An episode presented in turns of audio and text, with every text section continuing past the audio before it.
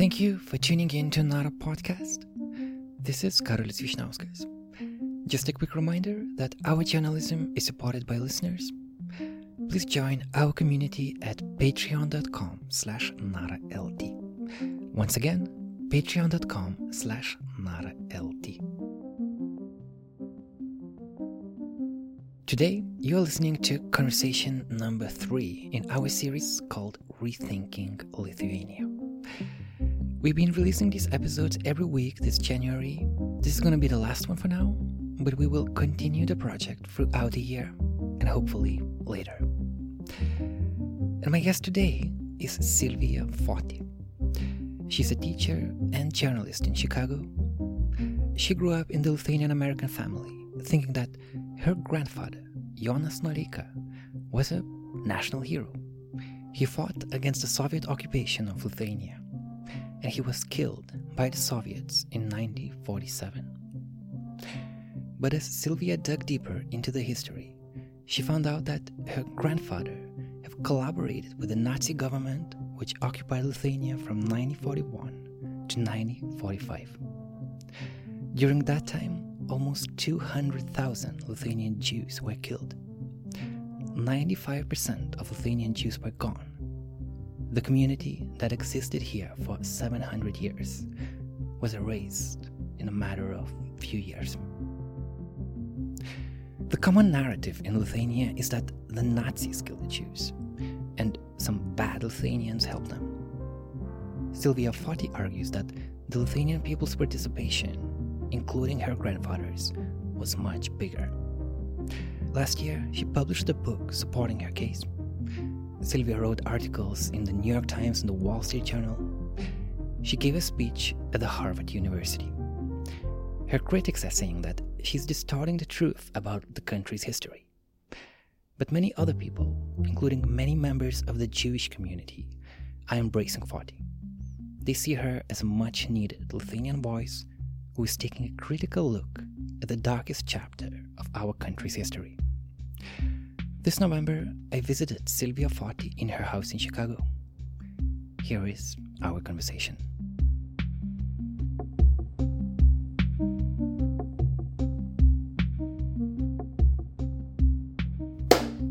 Right. I think, I think we are live. Um, so, hi Sylvia. Hi Karolis. Nice, nice to see you. Nice to see you where in Chicago, in in the house where you grew up? Or no, did you, no, no, no, no, no, no. I grew up in Marquette Park. This house is uh, maybe twenty minutes north of there by car. Mm. But uh, you are from Chicago. Basically, your your whole life is based in the city. Yeah, I grew up in Chicago. I grew up in Marquette Park. I grew up speaking Lithuanian.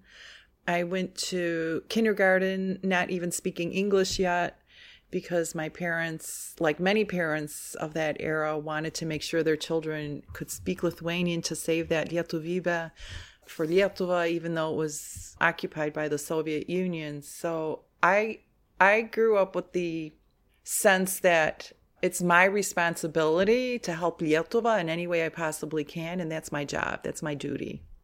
Well, in a way, you're doing that, right? I feel like I am. I know people are attacking me, uh, saying that I'm hurting Lithuania, but in my mind, in my heart, I think I'm helping Lithuania. Hmm. We're definitely going to go dive deeper into that. But at first, can you talk more about your how's your life look like now? Because you work as a teacher, right? But for this year, you are on sabbatical. You can put all your energy to the book and to the to the release of the book, to doing interviews, to promoting the book. It's been three years since you've published your first article in the Salon about the topic of Jonas Noreika, and it it changed a lot of things. So, really, how is your life look like now?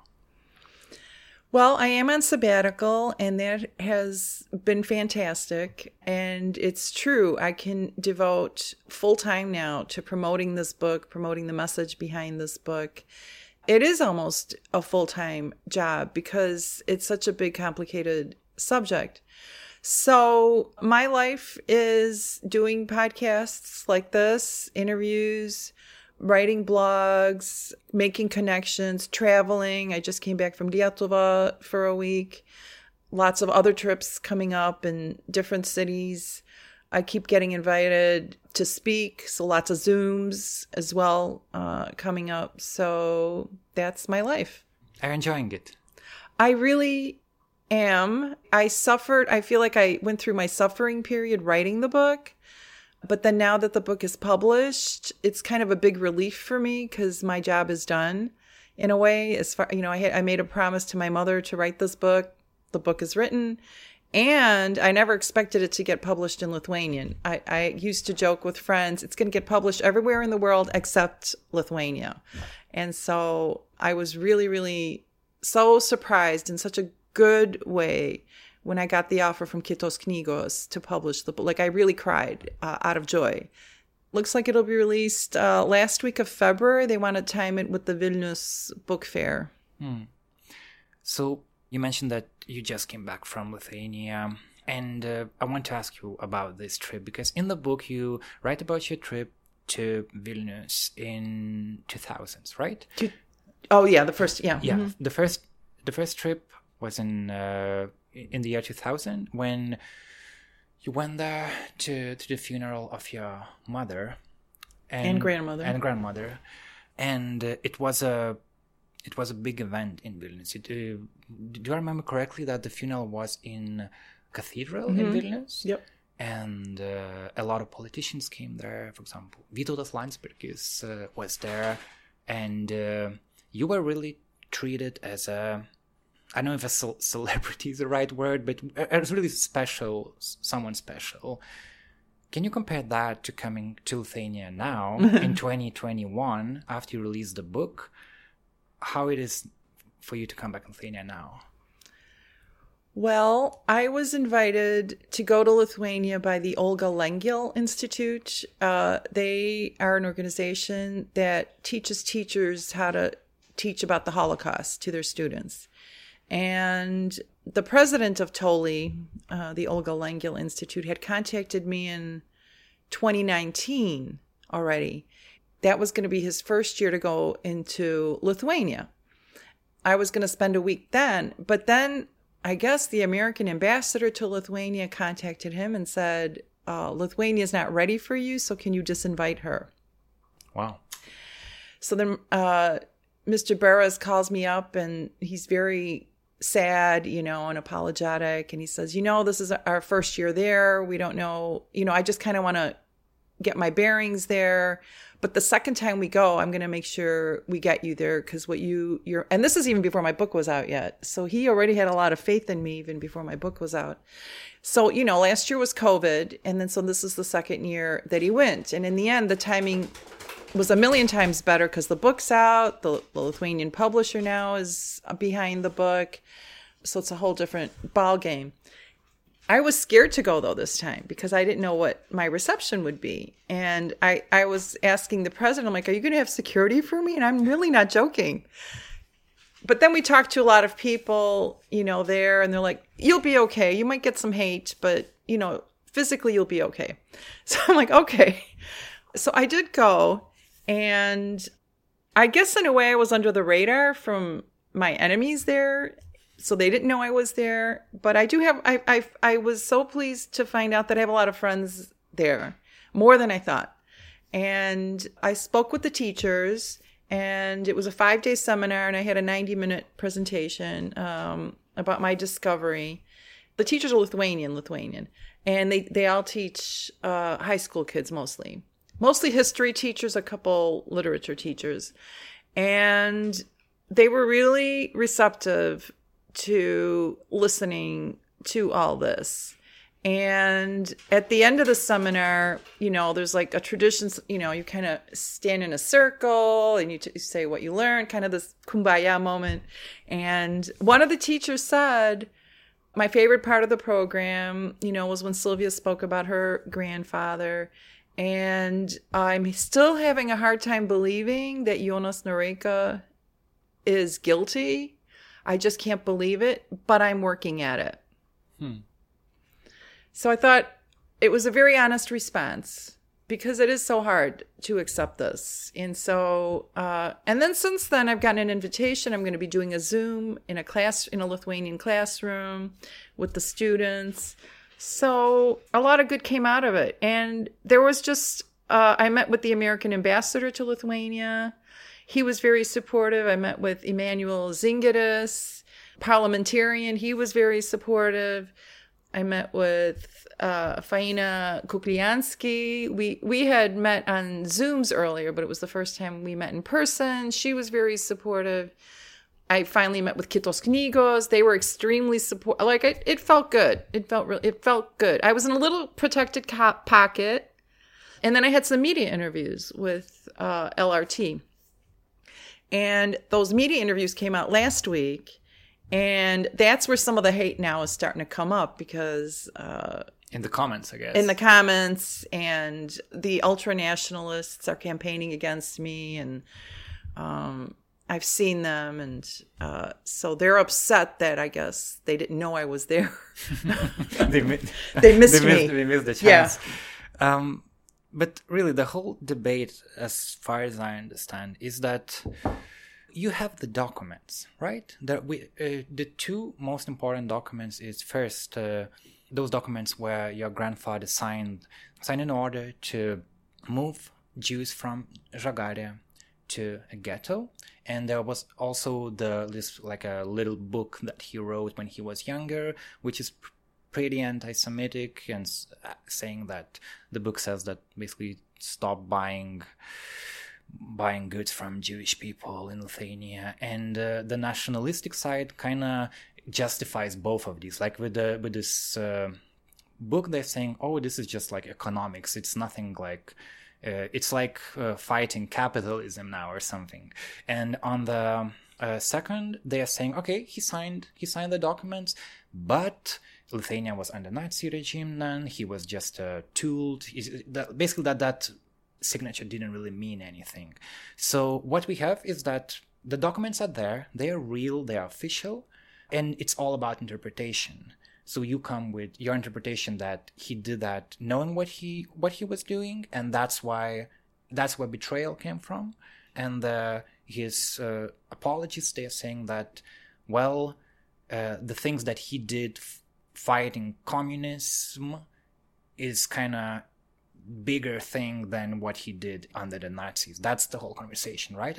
Do I miss something from your perspective? I think that's that you encapsulated it very well. But in general, you know, I I think my grandfather, because he was, um, you know, governor of that Šiauliai district during the Nazi occupation, he left a paper trail, and unlike some of these other uh, in Lietuva, you know, who who also participated in the Holocaust, they didn't they didn't all leave their signature everywhere like my grandfather did.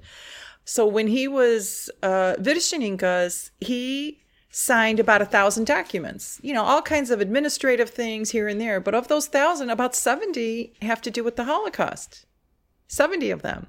The one you referred to from August 22nd, 1941, which resulted in the death of about 2,000 Jews, that's that's the absolute worst one, which is why I which is why I always talk about that one. But the other 70, you know, have to do with distributing Jewish property. One is a letter exchange about finding barbed wire for the Žagarė ghetto uh, and nails. So, anyway, 70 times he didn't know what he was doing, 70 times he was forced to do this. And I think because I'm an American and I was trained as a journalist here and I went to a very good journalism school, um, this is a primary source document with his signature on it. Like, this is not a secondary source document. So, a primary source document with his signature means a lot. It means a lot. And when you sign something, that signature means something. Was he forced? He was not forced. He took this job voluntarily. He was earning a thousand Reichsmarks a month. He lived in the best house in, in Šiauliai, the governor's mansion at the time. Uh, the family lived in style at that time. So he was not forced. He was not forced by any stretch of the imagination. And the guy before him, who was in his 50s, stepped down voluntarily. He probably, you know, when you're in your 50s, I think you're a little wiser. And my grandfather was only 30, 30 years old for th- such a big position. So the guy in his 50s stepped down, pro- you know, probably knowing what he would be asked to do. So, um, but my grandfather took it voluntarily. So he knew. I don't think he was forced to do anything. And then I want to talk about 1943 when he finally did step up to the Nazis. This was right after the Battle of Stalingrad, when all of a sudden now the Lithuanians have a little bit more courage to stand up to the Nazis. And he was one of them. And at this point, the Nazis wanted Lithuania to join the SS. And before that, they wouldn't even consider a Lithuanian to join the SS. But now the Nazis are desperate and they want Lithuania to join the SS. This is the proud moment. Lithuanians, to their credit, said, "No, we will not join the SS. This is good." And for that reason, he was sent to he was sent to Stutthof. So he could stand up to the Nazis for Lithuania's nationalism. He could do that, but he could not stand up to the Nazis to save Jews. He didn't care about that. Mm. How did you find those documents? Well, the big one I found actually in my mother's archive. That one I found here. And then later, uh, I started working with, um, you know, this is already after 2018. I found the rest of them through a researcher in Lithuania, uh, Andrius Kulikauskas and Evaldas Balčiūnas. And they went through all those Šiauliai archives and found all the documents that my grandfather had. And Evaldas separated uh, the Holocaust ones away from all the other ones. So they helped me a lot with that.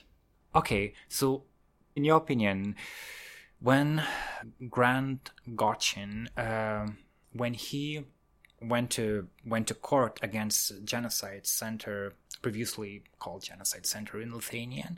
The final decision by the court was that, I quote, the true authors of the mass murder of the Jews were not Lithuanians, and that there are no reliable documents which show Noreika ordered the extermination of Jews or that he himself took part in mass murder operations against Jews. So, for the court, these documents were not enough. Yeah, I mean, that statement is factually correct. Nobody has any videos of my grandfather shooting Jews.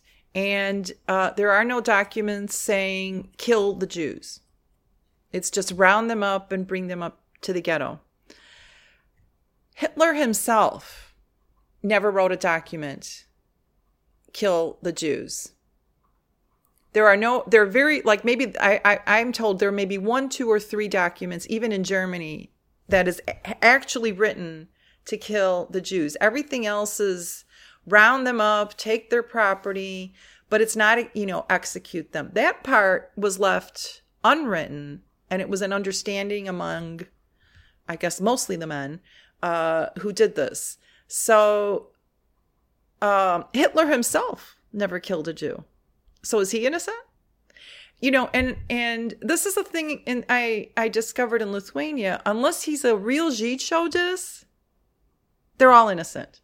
It's only the Žydšaudžiai that are guilty. So I had a slide with my teachers where on this slide I had uh, that the genocide was a genocide machine in Lietuva and everywhere else in Europe.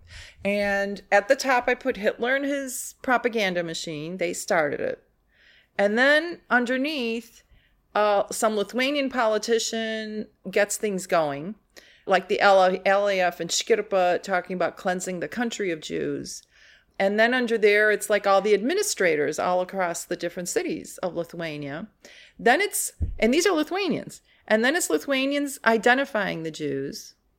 And then it's Lithuanians rounding up the Jews. And then it's Lithuanians bringing them to the ghetto or a central place in town. And then it's Lithuanians guarding the Jews. And then it's Lithuanians bringing the Jews to the pits in the woods so that the regular Lithuanians wouldn't hear the screams. And then it's the Žydšaudžius, who's drunk because they most didn't want to do it voluntarily. They were bribed to do it. So is it just the Žydšaudžius who's guilty? That last guy? Nobody else is guilty in this whole chain of command? You kind of offer a new narrative of how we should think about uh, how we should look at the Nazi occupation in Lithuania because the narrative that we have now is that basically it was Nazi government and there were some terrible people who actually did the killing. And what you are saying is that actually the whole country was involved and there were people who got Jewish property, who benefited somehow, who even if they there is this thinking that if you do nothing when you see evil, you kind of also participating in it in a way, right? So so even those Lithuanians who just refused to act, they kind of was part of the whole system as well. So in your narrative, suddenly way more people are involved in the Holocaust in Lithuania and and when you come to that message to Lithuanians, they refuse that because then it gets personal to them. Right. I mean, Lithuanians love to talk about how somebody in their family saved a Jew. Do you have somebody in your family who talks about this? No, but I know people who, who okay. do that. Yeah. Okay. Because in my family, I grew up that Jonas Noreika saved Jews too. Okay. And I hear this all the time. You know, you get together and you talk about the Holocaust. The first defense is somebody in the somebody somewhere saved a Jew. So do you happen to know the official number of how many people saved Jews according to Yad Vashem? What that number is? I think it's 900, right? Yeah, it's about 900. So I don't know how many Jews were saved by those 900 Lithuanians. I keep asking and I don't know. So, and you know, sometimes it takes 10 Lithuanians to save one Jew. So, um, because it was so difficult. But here's another number that for Lithuania to consider that is not the 900. The other number is 2.99 million. That's the number of people who did not save Jews. So this is how the vast majority of the country did nothing. The number of actual perpetrators, I've heard from 5,000 to 20,000 of Lithuanian perpetrators. And do you know how many Nazis were in Lithuania during that whole time? Have you heard this? I know that there were less Nazis than Lithuanians working on the whole uh, actual killing part, right? Yeah, the number is 600 to 1,000 Nazis. To a thousand? Yeah, 600 to 1,000 Nazis were in Lithuania during the Nazi occupation. That's it. And you know how many Nazis were killed during the Nazi resistance that Lithuanians had? Zero. Zero Nazis killed. And yet, many Lithuanians had guns. And many of those guns were given to them by the Nazis. And they were given to them to kill the communists. But guess who also was called a communist? Jews. The Jews. Yeah. The babies and the grandmothers too. All the com. So let's kill the communists. That was that was the euphemism. That was the code. So their anti-Nazi resistance did nobody pointed a gun at a Nazi. They they used their guns and they pointed them at Jews. That's what happened. Mm. When did you learn about this? Because it's really easy to grow up as Lithuanian and just know nothing about this. And uh, in your case, growing up in Chicago, in a city which has the biggest Lithuanian population in United States, um, a lot of people who wanted safety, who wanted to run away from the war, they ended up here when did you learn about the Holocaust in Lithuania growing up in Chicago? I never heard about the Holocaust in Lithuania, not once. Uh, I went to uh, the Lithuanian Saturday school until I was 16.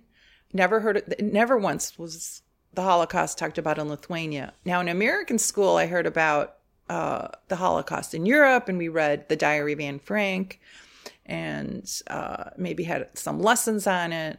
So I did hear about the Holocaust, but I thought that that was just like in Germany. You know, I didn't even know that Lithuania was involved.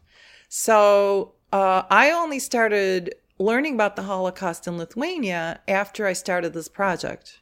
I, I was shocked that there was even a Holocaust in Lithuania. And I felt like an idiot that I didn't know this. And I, I noticed already when I was already kind of getting really deep into this and I was going through my mother's archive again, uh, which is like three bookshelves of stuff. It's almost all on the first Soviet occupation and the and the second Soviet occupation, and I could find almost nothing on those three years of the Nazi occupation. It's like this big black hole in in Lithuania's history as far as what really happened during the Nazi occupation. So then I had to go outside of, you know, my mom's archive and I started like Googling and Amazoning and, you know, finding what I see, going to the library. Very little from Lithuanians. Very, very little. Lots from the Jews. So I started learning about the Holocaust in Lithuania from Jewish sources. That's how I started learning. And I, I, the more I was reading, the more shocked and horrified I was. I guess the question of personal responsibilities is really the at the heart of it. It kind of reminds me of conversation of racism that exists in the United States. That kind of everyone agrees that it's a bad thing. Our grandparents, grand grandparents did terrible things, but there were some people from other families, not from my family, and uh, it's kind of similar in that what we have in Lithuania right now. No one denies that the Holocaust happened. Recently, there was this 80 years of, of the Holocaust memorial. Memorial. All the politicians, president, and everyone's saying that we should never forget, but somehow it never it, it never gets personal, and you kind of broke this wall. You made it personal, and uh, what would be your advice to people who want to know want to learn more about that because it's really it's not only about Jonas Noreika. The book is more like a call out to every reader to kind of do your own research on your own family history. That's how I read it. Yeah, I mean, I grew up believing Lithuanians are beautiful, wonderful people. I grew up hearing from my mother and my grandmother, you know, how they longed for Lietuva, you know, Lietuva tokia žalia, tokia švieža, you know, it was like paradise. And so I grew up with this sort of fairy tale that, uh, you know, Lithuania is the greatest place on earth to be. And um, it's a shock. It was traumatic for me to begin and I it didn't happen all at once. It was just little by little by little by little over 10 years until I finally, you know, I think fully accepted that uh, my grandfather had something to do with this. And of course, I made the conscious decision that I promised my mother to write a book about Jonas Noreika. And so I focused, you know, I really hyper focused just on him. And I did hear about other guys getting involved in this too. And I thought, okay, I'm not, I, I can only write this book. I'm just going to focus on Jonas Noreika. But it's clear he was part of a genocide machine, too. He was somewhere in the middle between the Žydšaudis and Hitler and propaganda machine. He was somewhere in there. And the normal response, and this is a very human normal response, is to defend. But when you go deeper and you see the consequences of that, I think it's important to say he played a willing role in this. And this is the pro- this is how that genocide happened. Too many played a willing role. 2.99 million did not save a Jew. And this is how that genocide happened. The other thing, you know, is of course the Soviet Union did not help uh, Lithuania come to terms with its role in the Holocaust. So that that's a huge factor right there. But as I was working on this book, I had I had to decide whose side am I on?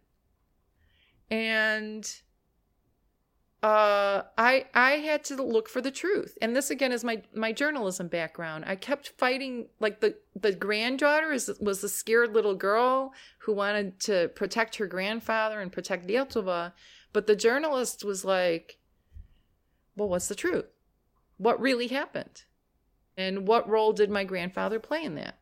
So the journalist won, but I think I try to reveal what that scared little girl went through as well in coming to terms with the truth. Mm-hmm. So, in your opinion, what could we as Lithuanians living in Lithuania, how can we kind of how can we do better? Like I, I see that there are some quite simple things that we can do, like I don't know, renaming school that is still named by Jon, uh, that has Jonas Jonas Noreika name, but maybe it also can change the history program in Lithuania. How do we teach about that part? Because we learn a lot about the Soviet occupation, but we kind of don't really go that deep into this part. Um, what else do you think? How can we move forward from this? Well, you have to have an open mind and an open heart to what really happened. And I'm not going to say it's easy. It was not easy for me. I've lost friends over this. And um, I've lost contact with family members over this. But, you know, I think that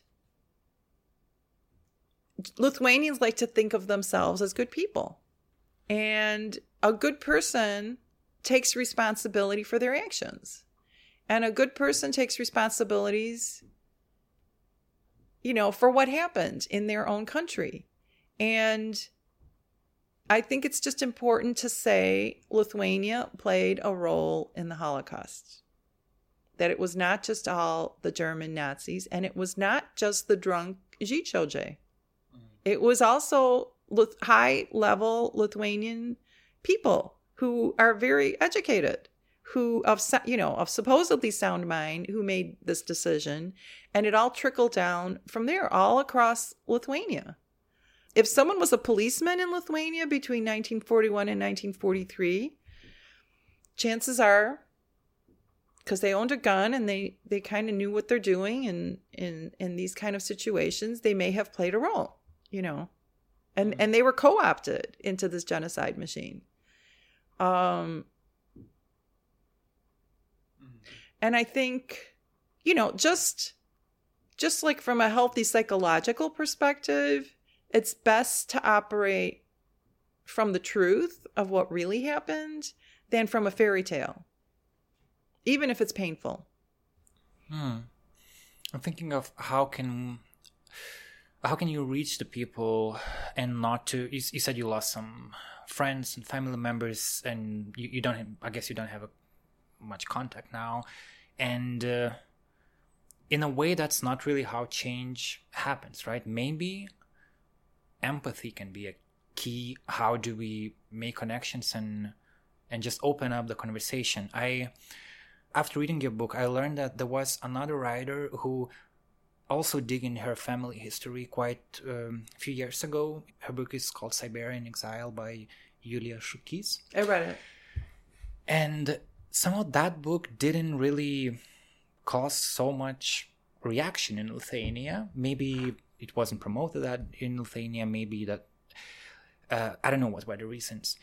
In your case, I think the reason why it got so big in Lithuania is because your message was so bold. Like, I mean, your book is called Nazi's Granddaughter, right? Mm-hmm. And um, opinion piece at uh, NY Times also was like uh, called like normalized. My grandfather was a Nazi. It's like up to 11 like no no no like middle ground no maybe he did that but also he did this it's more like this is my conclusion he was a Nazi. And some people, maybe for them it's just too much. Maybe the way to do that would be like, look, let's talk about, I don't know, how do you do that? But I mean, did you purposely chose this quite shocking way to reach out to Lithuanians? And do you think it worked?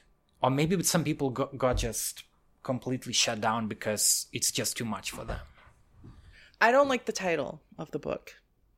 My original title was Storm in the Land of Rain. That's way different, right? Yeah. And I, you know, I, I'm a literary, you know, journalist, and now I teach literature. So I wanted a more metaphorical, you know, beautiful title: "Storm for Generolas Vėtra" and "Land of Rain," you know, Lietuva. And I like that title a lot. But my publisher wanted to be more hard hitting, and they came up with the title the nazi's granddaughter and i pushed back against that. But in the contract almost all you know and i'm not that big of an author um authors really don't have a big say so and on the cover. Yeah it's your first it's your first book after it's my third. It's my third. Oh i'm sorry i didn't know about i, I had two other mystery novels. Oh okay uh, I, I didn't know that. Uh, yeah, sorry. yeah. so yeah. it's my third book. But you know i um so I wasn't happy with the title, but they they wanted a hard hitting title, and you know I pointed out technically he wasn't really a Nazi, like he never joined the Nazi Party, and their response was, well, he worked for the Nazis, he signed documents, and yes, maybe he didn't wear the uniform. Yes, maybe he didn't have the card, you know, I'm a Nazi member, but he he did everything he could to help kill Jews. And that's the worst part about it being a Nazi today. Like nobody really cares about the uniform and the card and whatever. I mean, he participated in the cleansing of Jews. That part he believed in. So the Lithuanian book is going to be my original title, lietaus šalyje. Hmm. So that's going to be the, the, the title. And I'm very happy to report that my American publisher is changing the title for the paperback edition to Storm in the Land of Rain, which is coming out in June. So that's going to have my, my original title. Hmm. That's good. That's, that's good. good news. So I think uh, one of the things that uh, you didn't do, and that's kind of was a, a way to kind of make sense of where are you coming from because really you were a new name to a lot of readers and to me you were a new name i didn't know anything about you until 2018 the salon article uh, what what you didn't do was that you didn't speak with the russian media about the book and uh, especially when it comes to the holocaust history there's always someone who says, hmm, if someone is blaming Lithuania, that must be some kind of, that person must be paid by Russians, it's a Russian influence. And uh, I, I wanted to ask you, why why didn't you do that? Because they, I guess they would be very interested in, but you kind of just didn't do that. And that went in line with general idea of in, in Lithuania that you should kind of be cautious when it comes to Russian media because it's state controlled media, not because it's Russian, but it's because usually it's state controlled media. So why did you decide to do that? Well, I grew up Lithuanian in Chicago, and all I heard was how horrible the Russians were. So, I mean, I grew up as, you know, from childhood believing the Russians were bad people and uh, they harmed Lithuania a lot. So, um, when I started getting calls from the Russians, and I was getting a lot of them, and they're saying, Oh, we have millions of readers and viewers, and this is such an important story. And I, I refused to talk to them because my feeling is Russians are the last people who are going to tell Lithuania what to do. and Russians have no standing as far as their innocence goes. And I don't want them to use this story for their own propaganda purposes to harm Lithuania. So I just put a you know, a very firm line in the sand that I'm not talking to the Russians. I even had the the Belarusians call me too, mm-hmm. and I had to talk to someone. I'm like, well, what do you think about the Belarusians? And they and I was advised they're too Russian, so I didn't even talk to the Belarusians uh, media. I want Lithuanians to talk about this themselves and to come to terms with this themselves without any help from the Russians.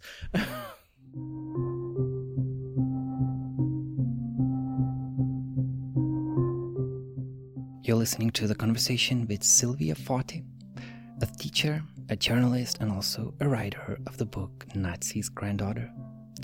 Just a quick reminder that this and all the other episodes of Nara podcasts they are available for everyone for free. And we can do that because we have support directly by our listeners. Please join our community at patreon.com slash NaraLT and support our work.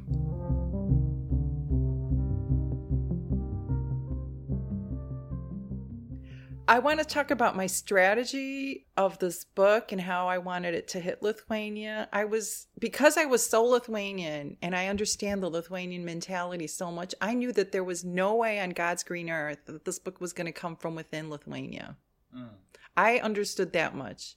And so, being an American, I thought I have to find an American publisher.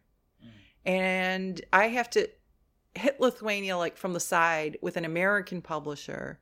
Where th- and I'm going to feel safe with an American publisher because I was uh, I didn't even know about Ruta Vanagaite yet, and as I was working on all this and coming up with my strategy, but my strategy proved to be true because look at what happened to her, and so uh, which I think she was treated very very unfairly. Um, and I think she deserves a lot more recognition and admiration for what she did but anyway, it she sort of proved my point that there's no way it could come in from inside Lithuania because you're just going to be eaten up eaten up alive there. And I thought as an American, if I could get the best publisher I could find in America and start it like an international thing where it's going to get so big that it's Lithuania is going to finally have to say, "Oh, maybe who's this Silvia Foti? What is she saying?" And, and it got it got big. I mean, you got articles in New York Times, Wall, Wall Street Journal, Chicago Tribune. I, I, listened to your speech in Harvard, and uh, you kind of, I think, in the beginning of interview, you mentioned that you you needed not not work for Lithuanians, but you kind of have responsibility to Lithuania. So in a way, in this confrontational way, you you did that. This book is is in a way a, a gift maybe to Lithuania. Can can maybe we should maybe we can look at that that way. Maybe it's a good wake up call to kind of look deeper into our history. I intended it as that way. I mean, I dedicated the book to Lietuva I, my whole book is dedicated to Lithuania because I do love Lithuania, and I and I want to be a proud Lithuanian again. Um, and so I think if Lithuanians could really own up to what happened in the Holocaust and stop pretending like they had nothing to do with it, it would make them better people and more honest people and more well rounded.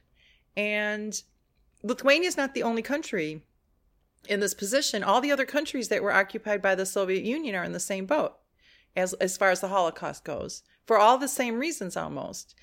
But uh, you know, Lithuania always likes to be number one when it can, like in basketball or wherever. Like, well, here they have a wonderful opportunity to be number one in the Eastern European countries and own up to what they did in the Holocaust, and maybe they can influence the other Eastern European countries to own up to this too. And it's a very healthy process. It's this is all for the good. This is all for the good. Do you feel more liberated more peace with yourself after you're already three years into this process. Do you feel better after you, you, you published the articles published the book? I'm 21 years in this process not just three. Oh wow. Okay. So t- t- three years when it was public three right? years but, when it was public. Yeah. Yeah. Um i do. It, it has been very cathartic and I think it's it's very healthy to talk about the trauma of what happened and I do and I do think this is a trauma for Lithuania too to accept their role as being perpetrators in the Holocaust. But they have to separate that out from the victimhood of the Soviet Union. That they were horribly treated by the Soviet Union. That's true. But they treated Jews horribly. So this is the, the dark side of Lithuania that they need to come to terms with. Mm. And how does that, uh, in your case, for example, here in Chicago, do you feel, as far as I understand, you were really inside the community. Your family was inside the community. You would go to church together. You knew a lot of people. How is it now? How are you treated in here in Chicago among other Lithuanian Americans? I'm not that publicly involved here. Um, I haven't been for a while. I have some friends who are Lithuanian and, you know, we get together, girlfriends. Because they know me so personally, they they accept my story. But in general, I think the community in Chicago is very rigid, rigidly against this. It's funny because I was in Lithuania giving a presentation to the Vilna Gaon Museum organized by uh, Emanuel Zingeris. And there were, you know, it was a full audience. And there were a lot of Lithuanians. Like it wasn't just all Jewish. There were a lot of Lithuanians there too. And one of the Lithuanians, who I think was a council here in Chicago, a former council person, uh, I don't know, I don't know what the technical council general or whatever, mm-hmm. here here in Chicago, he came up to me and he said, "You should do this talk in Chicago." to the Lithuanians in Chicago. And my response was, I'm more afraid of the Lithuanians in Chicago than I am of the Lithuanians in Lietuva. I mean, and that's true. I guess it's what you said that for you it's easier to write this book with an American publisher, kind of doing it uh, outside. Well, when when your audience is outside where you are physically living, and now you it's it's hard to take it back back to where you are here in yeah. in Chicago. Yeah, and I need to be invited. I mean, everywhere I go, I've I never I never like initiate. I, I mean, I mean, with my book I did and all that, and and I and I certainly initiate. You know, with trying to get op-eds in in the media. But after that all the speaking engagements everything everywhere it's i'm invited. So i need to be invited. Um but again coming back to the fact that you you have documents it's it's really you cannot argue with with that. The whole i think why people are can stand against you because they would think that you are kind of insensitive to the pain that their families had. Like uh, everyone in lithuania has someone who was sent to siberia. As you mentioned soviet times were really terrible and uh, people suffered a lot. And uh, maybe people who refused your message they see you as kind of that you are un, are not empathetic towards their pain what is your position on that uh, do you do you acknowledge the suffering that lithuanians had under the, the soviets oh for sure uh, I that's why I grew up in America. I mean, uh, that's why I wasn't born in Lithuania was because of the Soviets. So, and that's all I that's all I heard. I heard about Siberia. That's we heard that every every week in Saturday school. I heard that at home from Mochuta all the time. Um, but you know, when I when I started this book project, I had to make a decision about what to write about and you have to be very focused even a book of 400 pages you can't write about everything and so uh, because i'm a journalist journalists uh, tend to look at what's new and so the soviet occupation in lithuania was not new, new news to me i i totally have heard over and over the suffering of lithuanians under the soviet occupation and siberia um, so that was not news to me. The news to me was what happened during the Nazi occupation. So that's why I focused on that. And that's the book is already 400 pages just on the Nazi occupation. Mm, mm. So I guess the conclusion is that you can kind of see the whole picture that you acknowledge what the Soviets did to Lithuanians, but you also have to acknowledge what Lithuanians did to the Jews and it's part of the country's history. And as you mentioned, it doesn't make you feel less Lithuanian or less patriotic in that way. Maybe even more because you have more understanding. Um, Thank you. That's how I feel. You know, when you have conflicting emotions about things, it's best to analyze each of those conflicting emotions, you know? And you have to do it almost separately to come to terms with it. And um, that's what i had to do with this book. I had to i had to analyze the love i had for my grandfather and how he fought against the communists. So that was one part of the story. And it's it's in there that that part of the story is in the book but i had to also analyze what he did uh, with the nazis against the jews and and this is the difficult emotion to have and to to go through. And so I did that. And then once you do that separately from like the hero side, now you have to integrate the two mm. and try to put it together.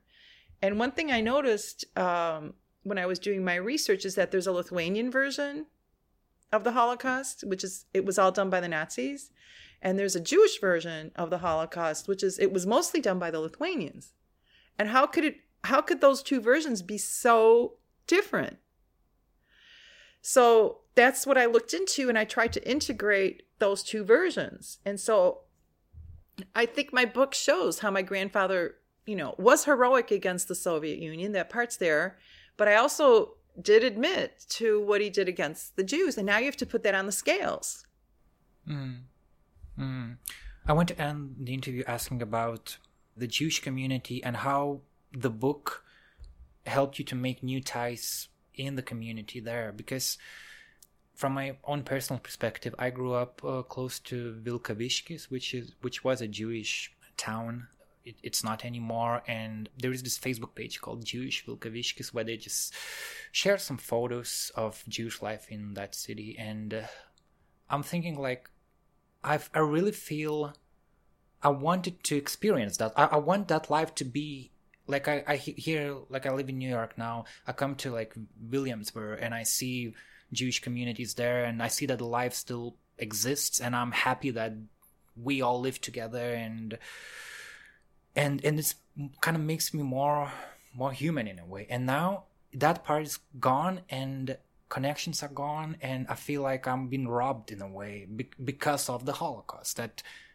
lithuania is less rich of a country. We have more, less ideas less uh, poems less novels. All, all it's just that we we we've been robbed in a way i think. And in your in the process of the book so you made new connections in the Jewish community. As far as I understand, you didn't really have them before writing the book, so it was kind of a, a, gift in that way that what the Lithuanians did in the Holocaust, you kind of made those connections again when to the people who are left. I want you to kind of elaborate on that more. That's true. I didn't. I didn't foresee the connections I would make with the Jews. I somehow I thought I was. Uh, writing just for the Lithuanians. But the Jews really embraced me and the story.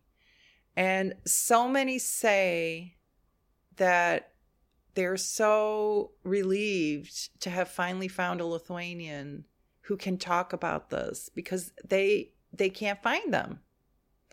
And and I feel like I don't know that like there's a lot of love from Jews for uh, or a need to love their homeland because they lost their homeland too. And there there's a lot of descendants. They're, they're lit the lit I'm finding so many Litvaks. They're all over the place.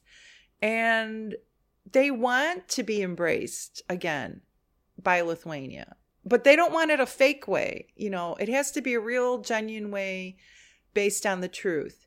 And I think Litvaks are very, very open to hearing. I don't want to say that Lithuanians, I mean, in a way, I've been saying, you know, I'm sorry for what my grandfather did, but there has to be sort of just a genuine understanding of Lithuanians' responsibility to this. And Litvaks are very, very open to hearing this they're very closed to just pretending that it was all the Nazis, you know, that, that the Jews just managed to disappear somehow from Lithuania. Like that part is insulting to them.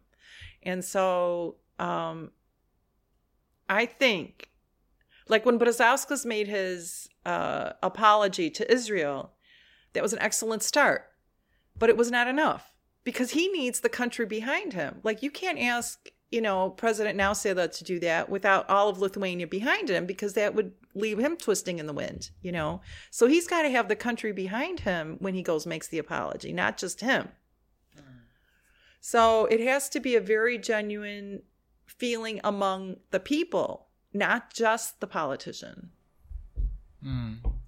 Last question. So your journey is in a way just just starting. The book in Lithuania will be released next year, and you um, you kind of are d- defined by this work of you. It, it was so successful that you are now you have to live with it now. And I'm curious how what, what is how does it feel to really, in a way, your grandfather is still with you every day, like we do in this interview, because because of what he did. And I mean you have to kind of make peace with that, right? That uh, um, that that you cannot es- you cannot escape that, and it it may get tiring in a way. You and uh, I'm curious, how do you how do you you need to relive this history eh, with every interview, with every book presentation? Don't you get in a very human way just tired of it, or do you see that it's I have to do it? This is kind of my goal in life. I I think it's funny because I I'm not tired of it. I'm energized by it. But, you know, I think I was in some ways born to write this story because all I, I grew up always hearing about Jonas Noreika and what a wonderful man he is. And, you know, I would do something. What would your grandfather think if you do this? Or, oh, your grandfather would be so proud of you. Or, oh, your grandfather would be ashamed of you. You know, th- he was always a presence in my life. So, in a way, to me, this just feels like the most normal thing to me to still be talking about Jonas because I grew up that way. So I don't. To me, that's my world. Like it's it doesn't seem strange. Hmm. Because now it's more public. Now it's really public. Yeah. well, thank you, Silvia. This was great. Thank you.